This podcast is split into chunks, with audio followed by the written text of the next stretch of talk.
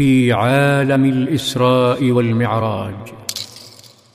ركب صلى الله عليه وسلم البراق فإذا هو في المسجد الأقصى في معجزة إلهية طويت فيها المسافات.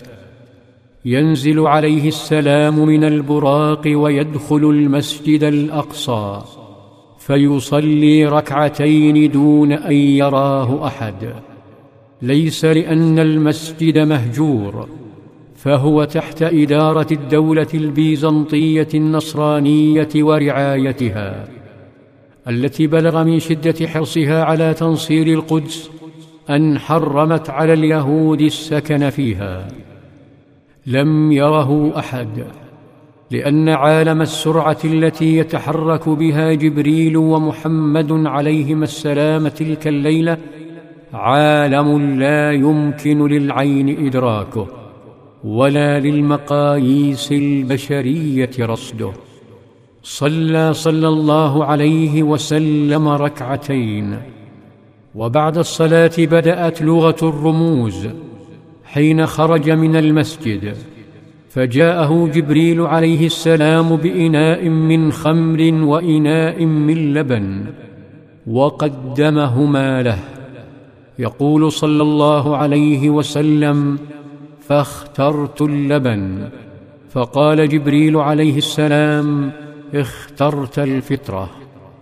وتنتهي رحلة الإسراء وتبدأ الرحلة الأعظم رحلة المعراج إلى ملكوت السماوات وعالم الأنوار والملائكة والأرواح والجنات.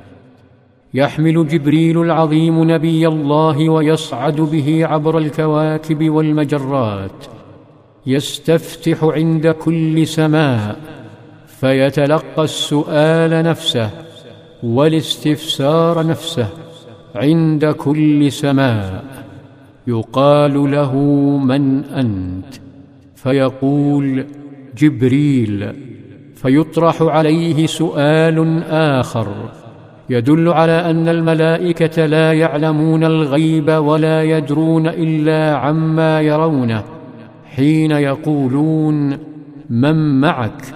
فيقول محمد. فيقولون وقد بعث إليه؟ فيقول جبريل عليه السلام لقد بعث إليه. ثم تفتح له أبواب السماوات السبع.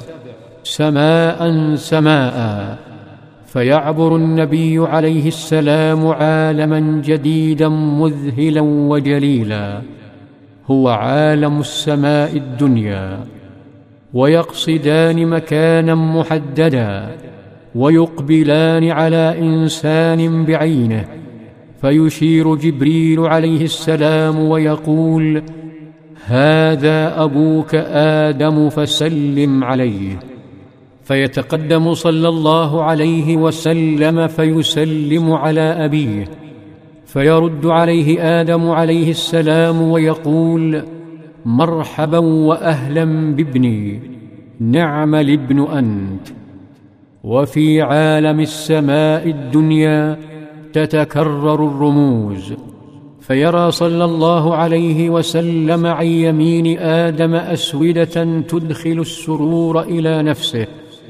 ويرى عن شماله أسودة ينظر إليها فتحزنه وتبكيه فيقال له إن أهل اليمين منهم أهل الجنة والأسودة التي عن شماله أهل النار. ثم يصعد عليه السلام نحو السماء الثانية بعد أن دعا له آدم. ورأى ما قدر له أن يرى من عالم السماء الدنيا. يستفتح جبريل فتفتح له السماء الثانية. وهناك يرى أخاه نبي الله عيسى ابن مريم ومعه ابن خالته يحيى بن زكريا عليهم الصلاة والسلام جميعا. فيقول جبريل هذا يحيى وعيسى فسلم عليهما فيسلم ويردان ويقولان مرحبا بالأخ الصالح والنبي الصالح. تأمل عليه السلام عيسى عليه السلام فرآه يشبه رجلا من زعماء أهل الطائف هو عروة بن مسعود الثقفي.